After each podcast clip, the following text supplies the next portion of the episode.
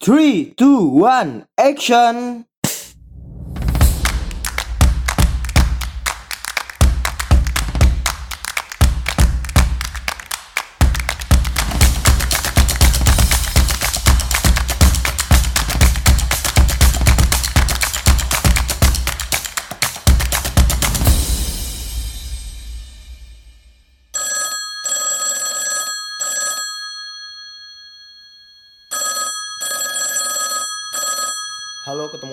Saya Miftahul Arzak dan eh, seperti biasanya di setiap video YouTube yang saya tayangkan jika posisinya seperti ini eh, saya akan menjelaskan tentang beberapa contoh-contoh teori komunikasi. Ada banyak sekali teori komunikasi, namun eh, pada pertemuan kali ini saya hanya akan melanjutkan.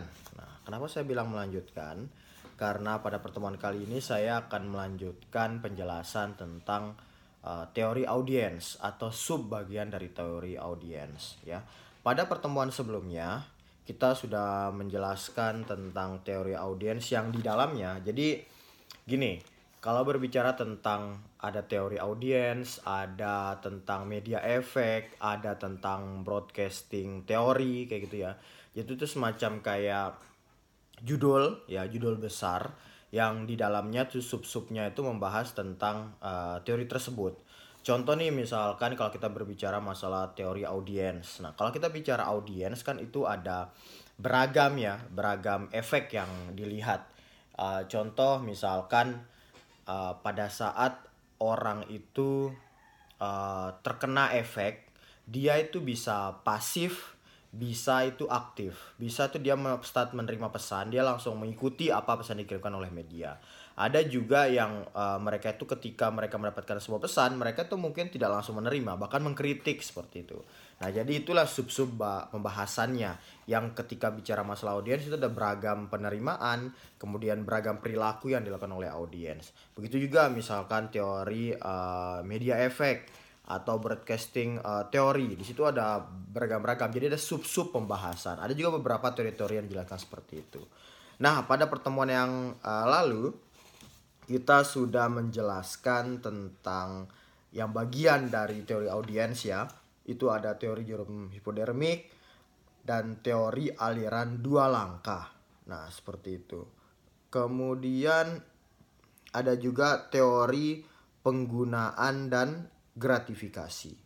Nah, jadi uh, itu pembahasan-pembahasan tentang ini ya, tentang uh, teori audiens yang subbab yang lalu itu.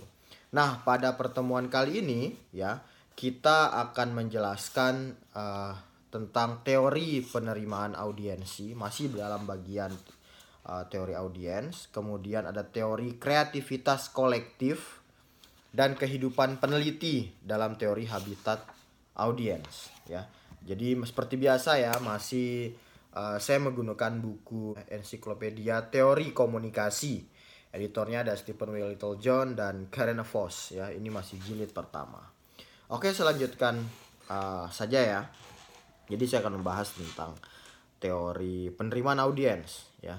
Kalau yang sebelumnya ada teori penggunaan dan gratifikasi, uh, para pendengar bisa mendengarkan juga itu di podcast maupun di YouTube saya saya menjelaskan secara detail tentang teori penggunaan gratifikasi dan dependensi ya di mana itu melihat bahwa audiens itu ketika menerima sebuah pesan dia itu bisa memilih pesan mana yang uh, dia akan konsumsi seperti itu sesuai dengan kebutuhan mereka.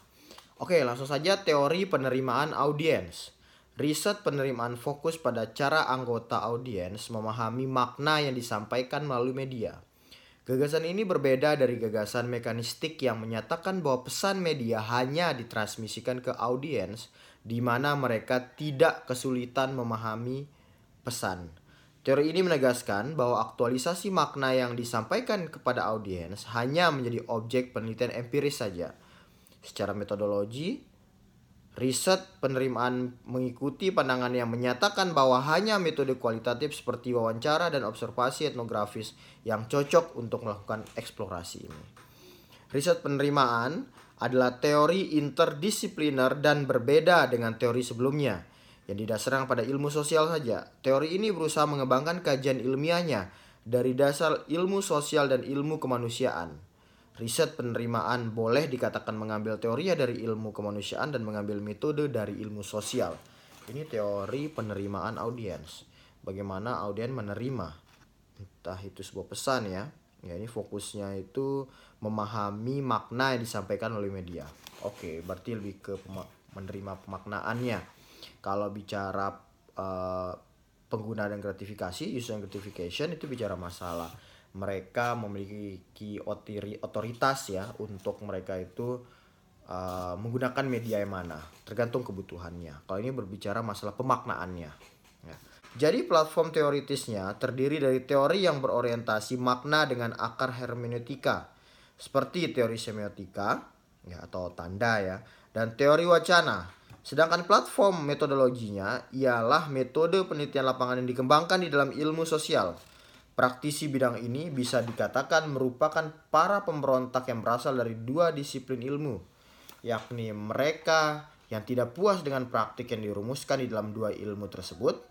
Riset dari ilmu kemanusiaan memberontak terhadap klaim yang mengatakan adanya efek ideologis pada audien berdasarkan analisis tekstual saja. Peneliti ilmu sosial menghindari ke kekakuan metodologi kuantitatif karena metodologi ini mempersempit gagasan tentang aspek mana dari audien yang dapat diriset. Nah, jadi memang kalau teman-teman sudah mulai masuk ke pembahasan tentang uh, orang-orang uh, yang melakukan penelitian entah kuantitatif dan kualitatif biasanya mereka punya style sendiri ya. Biasanya kalau orang sudah penelitian kuantitatif mereka bakalan ya senang banget penelitian kuantitatif. Kalau kualitatif ya mereka akan uh, senang banget kualitatif kayak gitu dan ini yang kadangkala sering menjadi perdebatan gitu ya. Mereka menyampaikan ada ya yang seperti lebih kuat datanya hasilnya itu kuantitatif lebih kuat hasilnya itu datanya kualitatif gitu. Turun ke lapangan langsung kualitatif misalkan langsung wawancara dan lain-lain wawancara mendalam dan kuantitatif dengan cara data dengan survei yang mereka lebih objektif. Mana yang lebih bagus? Ya dua-duanya bagus. Kalau tidak ada ya metodologinya yang dipertanyakan ya. Tetapi ya kedua-duanya adalah valid untuk mendapatkan sebuah data dengan perspektif yang berbeda. Kalau misalkan dengan kualitatif kita ingin mungkin datanya lebih mendalam tapi fokus kepada satu uh, sub pembahasan. Kalau kuantitatif bisa digeneralkan kayak gitu. Karena dia semacam kayak data uh, umum data banyak itu kemudian untuk mendapatkan sebuah kesimpulan. Nah itu biasanya kuantitatif dan kualitatif. Ada banyak sekali perdebatan di antara uh, dua peneliti-peneliti seperti itu. Secara lebih spesifik, pada masa-masa awalnya teori penerimaan berusaha menunjukkan bahwa audiens itu aktif secara semiotik saat menghadapi makna media. Gagasan ini bertentangan dengan gagasan umum bahwa konsumsi media, terutama televisi, adalah kondisi yang pasif. Nah, menerima begitu saja pesan media, rekonseptualisasi dasar teori penerimaan ini berhutang budi pada peneliti studi kultural Inggris, Stuart Hall, yang mengemukakan teori penciptaan makna yang mengiringi momen encoding dan decoding produksi media. Nah, ini kita sempat jelaskan di pertemuan-pertemuan sebelumnya ya tentang encoding decoding.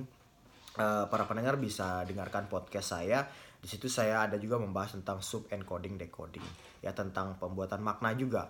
Jadi uh, sangat menarik sebenarnya encoding decoding ini, yaitu sama-sama memproduksi mana ya kalau kita berbicara recording decoding berarti kita berbicara terkait uh, komunikator dan komunikan juga. Si pengirim pesan atau komunikator dan si penerima pesan itu komunikan. Tetapi dua-duanya memproduksi makna. Contoh ya yang paling sering saya gunakan itu ketika orang misalkan ada seorang laki-laki dia itu keluarganya misalkan uh, apa ya sangat dekat, sangat harmonis ketika ingin mengungkapkan sebuah perasaan bahagia, senang, bahkan kepada seorang sahabat itu bisa menggunakan bunga kayak gitu.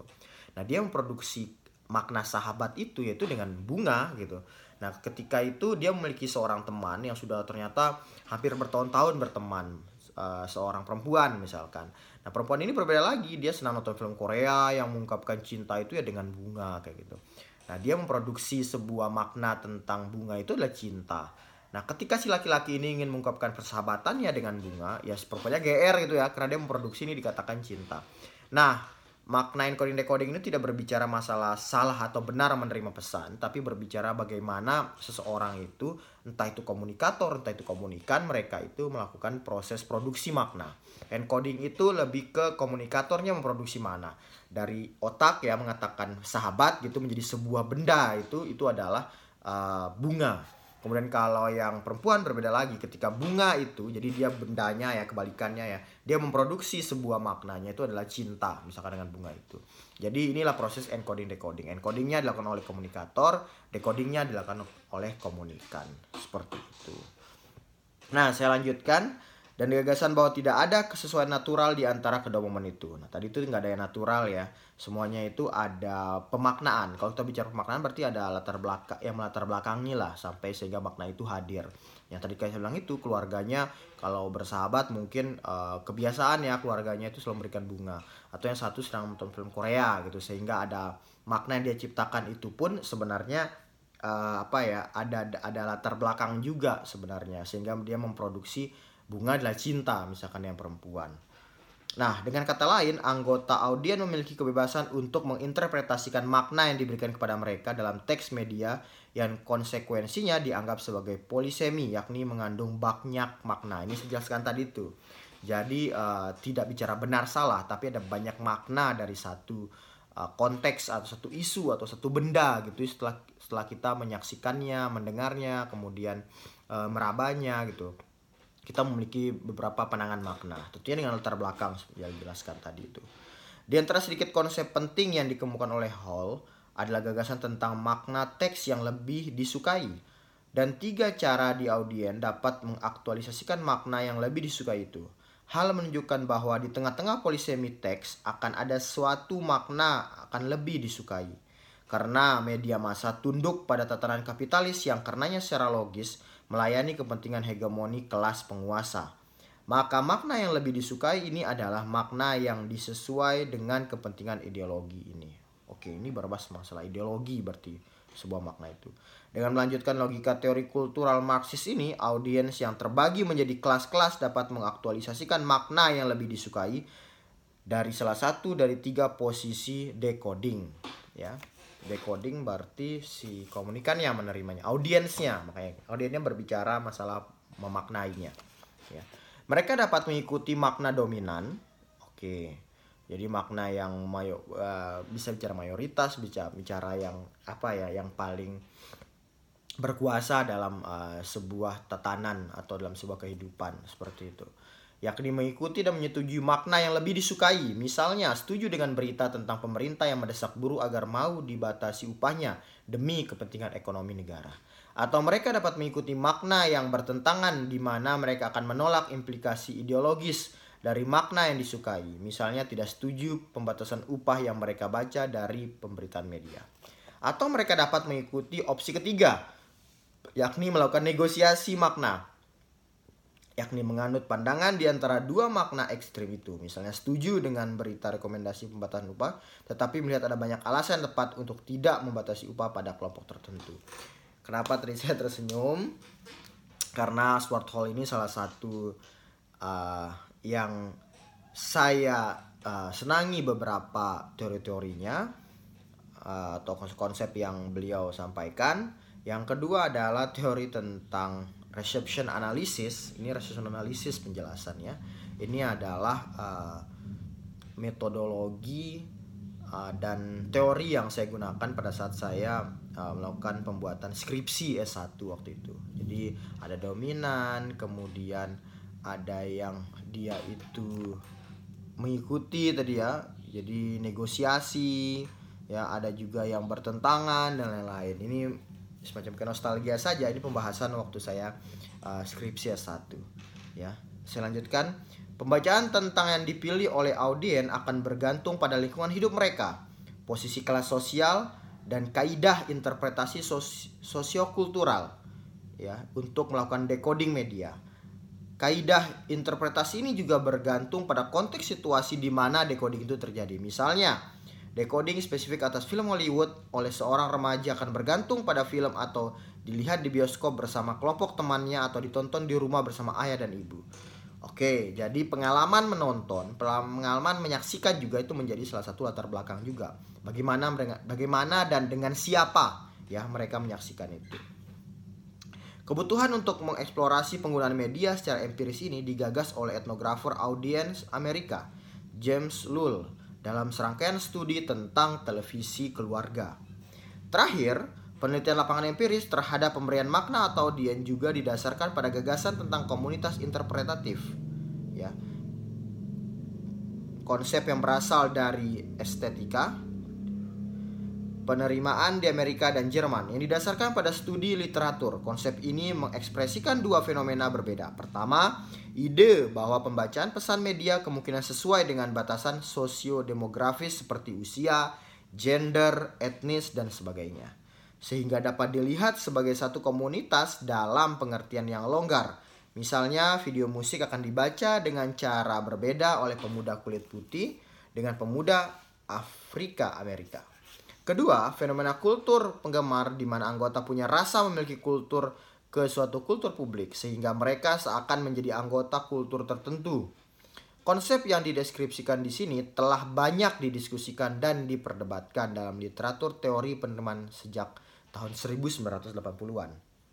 Karena itu, saat ini konsep-konsep itu sampai tingkat tertentu mengabaikan beberapa makna aslinya, terutama makna dari perspektif Marxis.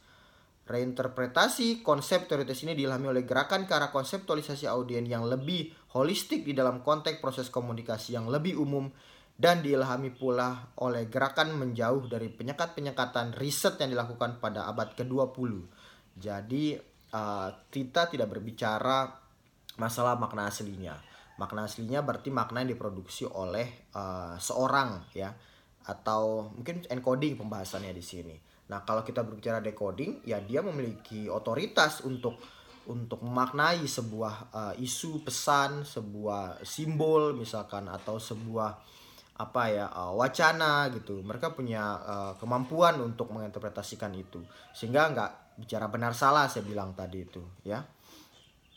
Dorongan ke arah holisme di bidang riset audiens ya seperti didefinisikan oleh sosiolog Inggris David Deacon dan rekan-rekannya secara teoritis didasarkan pada perspektif sosial konstruktif ya dalam ilmu humaniora di mana dimensi interdiskursif ya dimensi interdiskursif dari produksi dan konsumsi media menjadi kondisi utama dalam kultur media. Perkembangan teoritis ini mengawali kemunculan kultur konvergensi yang pada giliran memperkuat pendapat bahwa perbedaan antara produksi dan konsumsi media semakin kabur. Itu tentang teori penerimaan audiens. Ya dia bicara banyak tentang Stuart Hall ya, tentang uh, revision analysis tadi. Selanjutnya saya akan menjelaskan tentang teori kreativitas kolektif. Ya. Media digital yang baru memampukan orang berpartisipasi dalam skala yang belum pernah terbayangkan. Individu bisa berpartisipasi dalam media interaktif digital, misalkan seperti internet, ya web 2.0. Namun karena semua media lama seperti televisi dan koran telah ditransformasikan melalui digitalisasi menjadi kultur konvergensi, Pengguna media kini punya kesempatan untuk berpartisipasi di hampir semua jenis media. Ini kita bicara masalah internet ya, yang di mana komunikator dan komunikan itu sudah mulai kabur. Ya kita tidak tahu. Kalau dulu orang ya, ketika berbicara kalau komunikator ya dia orang yang menyampaikan pesan, uh, misalkan seperti kalau presiden gitu ya dia membuat sebuah kebijakan kemudian disampaikan ke rakyatnya ya udah selesai komunikator komunikan komunikan rakyatnya tapi sekarang dengan adanya internet semuanya menjadi kabur ketika Pak Jokowi misalkan menyebarkan sebuah informasi di media sosial ya langsung orang bisa langsung mengomentari, kemudian bisa mendebat, bisa mengkritik, bisa memberikan masukan. Nah maka di sinilah yang saya bilang ada beberapa pengaburan-pengaburan sudah nggak jelas komunikator komunikan dan itu langsung berubah-ubah antara komunikator dan komunikan. Nah, tetapi belum ada teori lengkap tentang partisipasi audien. Kita hanya punya fragmen-fragmen teoritis yang cukup menjanjikan yang memberi gambaran tak lengkap tentang audien ini. Dikatakan bahwa kita mungkin sedang bergerak ke abad pemusnahan audien. Namun peneliti Amerika Serikat Harley Jenkins, salah satu analisis kultur konvergensi, memperingatkan agar pergeseran ke arah konvergensi ini tidak lantas menimbulkan keniscayaan akan lenyapnya audien. Yang perlu dipertimbangkan dalam pemikiran tentang audiens masa depan adalah bahwa konvergensi itu berhubungan dengan transformasi berikut ini. Ada tiga, ya. Yang pertama aliran konten melalui berbagai platform media, kooperasi antara industri-industri media dan perilaku migrasi audien media. Mungkin di sini berbicara terkait audien itu hilang gitu ya atau uh, apa namanya itu komunikan tuh hilang karena dia bisa jadi komunikator juga.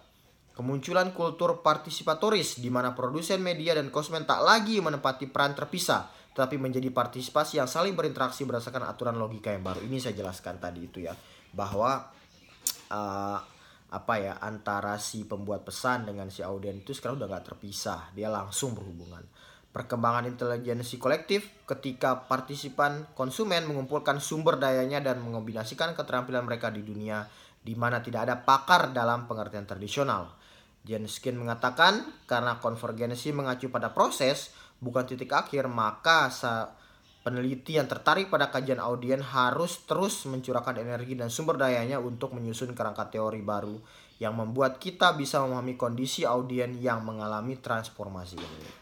Nah, selanjutnya kehidupan peneliti dalam teori habitat audien. Ini kan bicara masalah bagaimana perilaku dari penelitinya ya. Seperti itu. Ketika sejarah teori audien dilihat dari perspektif evolusi, seperti dilakukan di sini, penting untuk disadari bahwa metafora Darwinian itu memiliki keterbatasan. Teori yang pertama kali dalam habitat teori audien tidak selalu berarti kini ya menjadi usang atau punah. Teori itu terus hidup tetapi tidak sebagaimana biasanya dari waktu ke waktu. Sebagaimana hewan-hewan bermunculan, hewan lama harus menyesuaikan diri dengan pengaruh dan pendatang baru dan mereka mungkin terus bergerak untuk menjadi dominan. Oh, ini di di apa ya? Dianalogikan dengan teori Darwinian gitu ya. Karena itu dalam teori audien saat ini semua tradisi yang dijelaskan di atas masih ada meski dalam bentuk modifikasi dan mereka menawarkan penilaian yang bermanfaat bagi peneliti yang baru memasuki bidang ini. Oh, saya mengerti kenapa kata-kata ini dimunculkan. Ya karena ada banyak sekali kritikan-kritikan ya tentang teori-teori yang menganggap bahwa audiens itu pasif ya. Menilai bahwa sekarang karena ada sudah ada banyak sekali program-program televisi kemudian orang sudah mulai terdidik dan apa ya terbiasa dengan tayangan-tayangan media seperti itu. Sehingga bisa dibilang audiens itu uh, aktif kayak gitu ya. Mereka bisa mengkritik bisa mengganti program kemudian mereka bisa mendebat gitu ya. Bahkan bisa seperti tadi itu di teori terakhir itu bisa langsung menyampaikan sebuah unek-uneknya daya kritisnya langsung kepada media atau kepada komunikator seperti itu.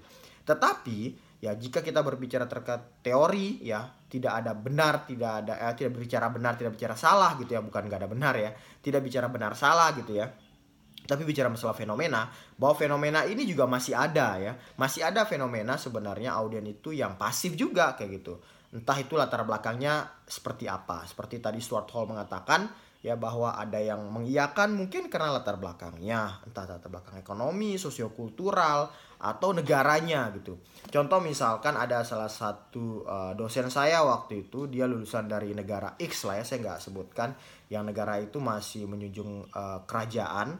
Ketika kita berbicara masalah uh, audiens itu kritis gitu ya, dia sama sekali tidak tidak tidak nyambung gitu ya, tidak nyambung dan berbeda pandangannya. Ternyata kultur atau sistem negara atau ideologi negara itu ya, bagaimana raja misalkan eh, pusat informasinya, kemudian kekuatannya di sana, masyarakat di jarang diizinkan untuk berbicara, menyampaikan pendapat, sehingga itu juga diproduksi juga ideologi-ideologi itu oleh uh, perguruan tinggi atau pendidikan uh, di negara tersebut gitu. Sehingga ketika lulusannya muncul hadir, karena terbiasa hampir 4 2 tahun berapa tahun ditempa seperti itu sehingga mungkin bisa jadi nggak muncul daya-daya kritisnya. Nah, maka di sini saya jelaskan. Nah, tadi di di akhir ini juga di, disebutkan ya di analogikan seperti teori Darwin gitu ya. Ada evolusi-evolusi yang orang itu menyesuaikan, bisa jadi orang menyesuaikan juga dengan adanya uh, media-media. Tetapi tidak salah juga jika kita berbicara masih ada orang juga yang pasif seperti itu. Tetapi sekali lagi ya, ini di beberapa penjelasan di awal biasa teori saya jelaskan, teori tidak berbicara masalah benar salah kalau bicara masalah sejarah karena dia merujuk pada suatu konteks waktu, konteks ruang yang waktu itu didiskusikan. Mungkin bisa jadi waktu itu pasif ya, sekarang mungkin berbeda kayak gitu. Berbeda ketika teori itu dimasukkan dalam sebuah uh, aplikasi gitu. Itu bisa didiskusikan bisa berbeda pandangan sehingga bisa berbicara teori itu tidak bisa digunakan dalam sebuah kasus tertentu seperti itu. Ketika kita membahas sebuah masyarakat yang aktif gitu ya kita nggak bisa menggunakan teori-teori yang berbicara masalah uh, audiens itu pasif seperti itu. Oke para pendengar uh, demikian penjelasan bagian kedua di teori audien. Dan uh, seperti biasanya audio-audio dari YouTube ini ya itu saya share juga di podcast saya. Para pendengar bisa dengarkan di Apple Podcast, bisa dengarkan di Anchor, bisa dengarkan di Spotify. Dan pada pertemuan selanjutnya kita akan menjelaskan beberapa teori-teori yang lainnya. Sampai ketemu lagi di penjelasan teori-teori tentunya tetap ya di buku Ensiklopedia Teori Komunikasi editor Stephen Whittle John dan Karen Voss. Oke, sampai bertemu kembali. Yo.